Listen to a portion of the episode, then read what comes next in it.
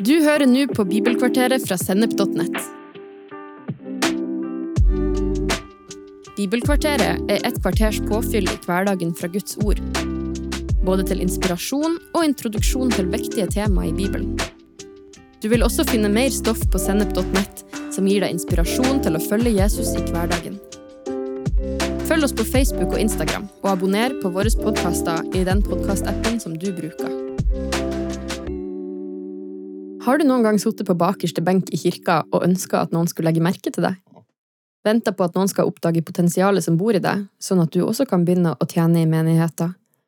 Kanskje du misunner lovsangslederen som synger og spiller så fint hver søndag, og som attpåtil får komplimenter for det? Eller pastoren, som har fått et såpass stort kall over livet sitt? Og så lurer du kanskje på, hvorfor har ikke Gud utvalgt deg? Jeg har en god nyhet til deg. Gud har utvalgt deg, men ikke nødvendigvis til å være lovsangsleder eller pastor. Det er så mange andre viktige oppgaver i Guds rike. I Matteus 25 forteller Jesus en lignelse om en mann som fordelte verdiene sine mellom tjenerne sine. En fikk fem talenter, en annen to, og en tredje én talent. Det står at mannen delte ut etter det hver enkelt hadde evne til.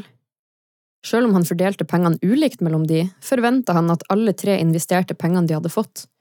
Jeg leser fra vers 20. Han som hadde fått fem talenter, gikk straks bort og drev handel med de og tjente fem til. Han som hadde fått to talenter, gjorde det samme og tjente to til. Men han som hadde fått én talent, gikk og gravde et hull i jorda og gjemte sin herres penger. Det er interessant å lese Herrens reaksjoner når han kom hjem fra reisen sin og fikk høre om avkastninga. Til de to som hadde investert pengene og tjent mer, sa han, bra, du gode og tro tjener, du har vært tro i lite, jeg vil sette deg over mye. Men til han som gjemte talenten sin, sa han, du dårlige og late tjener, du visste at jeg høster hvor jeg ikke har sådd, og sanker hvor jeg ikke har strødd ut. Deretter tok han talenten fra mannen og ga den til han som allerede hadde tid. Jesus prøver å få fram et poeng her, nemlig at vi er forskjellig utrusta, men kan likevel tjene Gud med det vi har. Gud bryr seg ikke om hvor flott du mener du sjøl er, eller hvor mange talenter du har å vise fram. Han bryr seg kun om én ting – hva har du, og hvordan kan du bruke det til hans ære? Her vil jeg også understreke at ordet talenter i denne sammenhengen refererer til en type valuta. Det er altså penger, ikke talenter, som i ting du er flink til. Du trenger ikke være så innmari talentfull for å tjene Gud. Du har dine penger, dine ord, dine handlinger, din omgangskrets, dine hender og føtter, dine øyne og ører, ditt hjem og din medmenneskelighet. I Romerne 12 skriver Paulus, Tenk ikke for store tanker om deg sjøl, men tenk sindig, og så videre. Vi har én kropp, men mange lemmer, alle med ulike oppgaver. På samme måte er vi alle én kropp i Kristus, men hver for oss er vi hverandres lemmer. Vi har forskjellige nådegaver, alt etter den nåde Gud har gitt oss. Den som har profetisk gave, skal bruke den i samsvar med troen. Den som har en tjeneste, skal ta seg av sin tjeneste. Den som er lærer, skal undervise, og den som trøster, skal virkelig trøste. Den som gir av sitt eget, skal gjøre det uten baktanker. Den som er satt til å lede, skal gjøre det med iver, og den som viser barmhjertighet, skal gjøre det med glede. Vi er altså som kroppsdeler på en kropp, veldig forskjellig og med ulike oppgaver, men alle like viktig. Gud har skapt hver og en av oss unik, perfekt designa for den oppgaven han vil at vi skal fylle. I første Korinterbrev 12 skriver Paulus, øyet kan ikke si til hånda, jeg trenger deg ikke, eller hodet til føttene, jeg har ikke bruk for dere. Kan du tenke deg hvis beina hadde slutta å gå fordi de heller skulle ønske at de kunne skrive med penn og spille på gitarstrenger? Da ville ikke kroppen komme seg noen sted. Vi har alle fått noe fra Gud som det er meninga at vi skal bruke. Jeg må være meg, og du må være deg. Det er lett å grave ned gaven sin fordi man føler at den er for liten, eller fordi man tror at noen andre ville gjort det bedre, og at det ikke er bruk for den. Men det er løgn. Bibelen er full av mennesker som tjente Gud med det de hadde. Alminnelige menn og kvinner som ikke var stor i menneskets øyne, men i Guds. Moses, Rahab, Daniel og Maria, Jesu mor, er eksempler på sånne folk. David var også en av de. Han var yngst av åtte brødre og jobba med å gjete småfe til faren sin. Gud hadde sett seg ut David og sendte profeten Samuel for å salve han til konge over Israel. Til tross for at Samuel var profet, var han også ganske menneskelig. Da han fikk se den eldste broren til David, tenkte han at dette må jo være mannen Gud har utvalgt. Men Gud sa, se ikke på hans utseende og høye vekst, for jeg har forkasta han. Her gjelder ikke det som mennesker ser, for mennesker ser det som øynene ser, men Herren ser på hjertet. Josef var en annen mann Gud hadde utvalgt. Helt siden han var en liten gutt, hadde Gud gitt han profetiske drømmer om natta. Brødrene misunte han fordi han var farens favorittsønn, og de solgte han som slave til Egypt. Der møtte Josef mye motstand. Først jobba han som tjener hos Potifar, men Potifars kone ble forelska i han, og når han ikke ville ha sex med henne, løy hun om han og fikk han kasta i fengsel. I fengselet ble han etter hvert leder for de andre fangene fordi fangevokterne så at han var til å stole på. Det står faktisk fengselsbestyreren sjøl hadde ikke tilsyn med noe av det Josef hadde fått hånd om, for Herren var med Josef.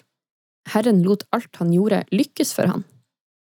Josef kunne også tyde drømmer, en profetisk gave Gud hadde gitt han. I fengselet hendte det at han tyda drømmer for de andre fangene, og tydningene viste seg alltid å stemme. En dag var det farao som trengte tydning. Han fikk høre om Josef og henta han ut av fengselet.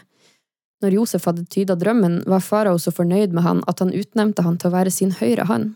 Han ble satt over hele faraos hus, og folket skulle rette seg etter han. Josef begynte altså nederst på rangstigen i samfunnet, men tjente Gud trofast der han var og med det han hadde. Han brukte også den profetiske gaven flittig, og lot seg ikke kue av at folk ble sint på han. Dermed lot Gud han lykkes i alt han gjorde. Han var tro i smått og ble satt over stort. Å tjene Gud begynner i det små. Jesus viste oss et eksempel da han vaska disiplene sine føtter. Han tok på seg tjenerskikkelse og gjorde drittjobben ingen andre ville gjøre. I menigheter finnes det også mange praktiske oppgaver, for eksempel å vaske toaletter etter en gudstjeneste. Når jeg var liten, fikk jeg høre gjør alt som om du gjør det for Gud sjøl. Dermed begynte jeg å plukke opp papiret som lå rundt søppelbøtta på offentlige toaletter. Jeg gjorde skolearbeidet mitt skikkelig og tok oppvasken grundig fordi jeg visste at jeg gjorde det for Herren. Han ser deg når ingen andre ser deg, og han vil lønne enhver for sitt arbeid. I Efeserne 6,7 står det Gjør tjeneste med et villig sinn, det er Herren og ikke mennesker dere tjener. Både David og Josef var menn etter Guds hjerte. Begge opplevde menneskeheten på sitt verste og hadde god grunn til å gi opp. Men i alt de gjorde, tjente de Herren. Underveis lærte og erfarte de ting som de tok med seg videre på veien, inn i det Gud hadde for dem.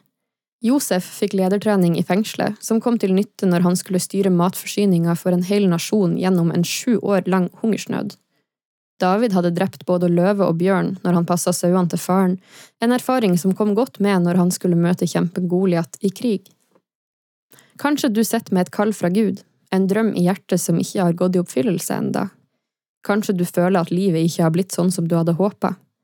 Husk da at du ikke ser det fulle bildet. Livet går i faser, og noen ganger lar Gud oss gå gjennom tunge ting fordi det blir til nyttige erfaringer du kan bruke seinere i livet. Stol på at Gud vil la alt skje til rett timing. I mellomtida kan du tjene Han der du er og med det du har. I Guds rike fungerer det sånn at når du bringer det lille du har til Jesus, vil han velsigne det og gi deg mer, sånn som med de to tjenerne i lignelsen. Det er viktig å være reell med seg sjøl. Hva er det som driver meg? Hva er mitt dypeste ønske? Å få ros fra mennesker, eller å få ros fra Gud? Hvis jeg lever livet mitt for å bli likt av andre, er roten selvhevdelse og egoisme. Men jeg vil jo tjene Gud. Og hvis jeg vil tjene Gud, må jeg bruke det han har gitt meg, ikke grave det ned, gjemme det bort eller sammenligne det. Tjen Herren med glede. Bruk de gavene og talentene han har gitt deg. Bidra inn i fellesskapet. Se behov og vær på giversida, for Gud elsker en glad giver. Han ser alt du gjør i det skjulte, og han skal lønne deg for det. Er du tro i lite, er Bibelens løfte at du skal bli satt over stort. Slutt å se på de ytre tingene som mennesker er så opptatt av. Gud har et helt spesielt kall over livet ditt, og han vet hva han vil bruke deg til. Så neste gang du kjenner deg sjalu på noen andre, takk heller Gud for at han har gitt en så vakker gave til din venn, og takk han samtidig for alt det vakre han har lagt ned i deg også. Sånn hindrer du at en bitter rot får vokse fram i hjertet ditt, og du lærer å glede deg over at vi er forskjellig utrusta. Hvis du ikke helt vet hva Gud har lagt ned i deg, kan du søke Han og spørre Gud, hva kan jeg gjøre for å bringe ære til ditt navn? Hva har du gitt meg som du vil at jeg skal bruke? Det går også an å spørre en venn eller en leder i menigheten. Så der du sitter på kirkebenken, slutt å vente på at noen skal oppdage deg. Gud har allerede valgt deg ut. Han spør bare Hva har du, og er du villig til å bruke det?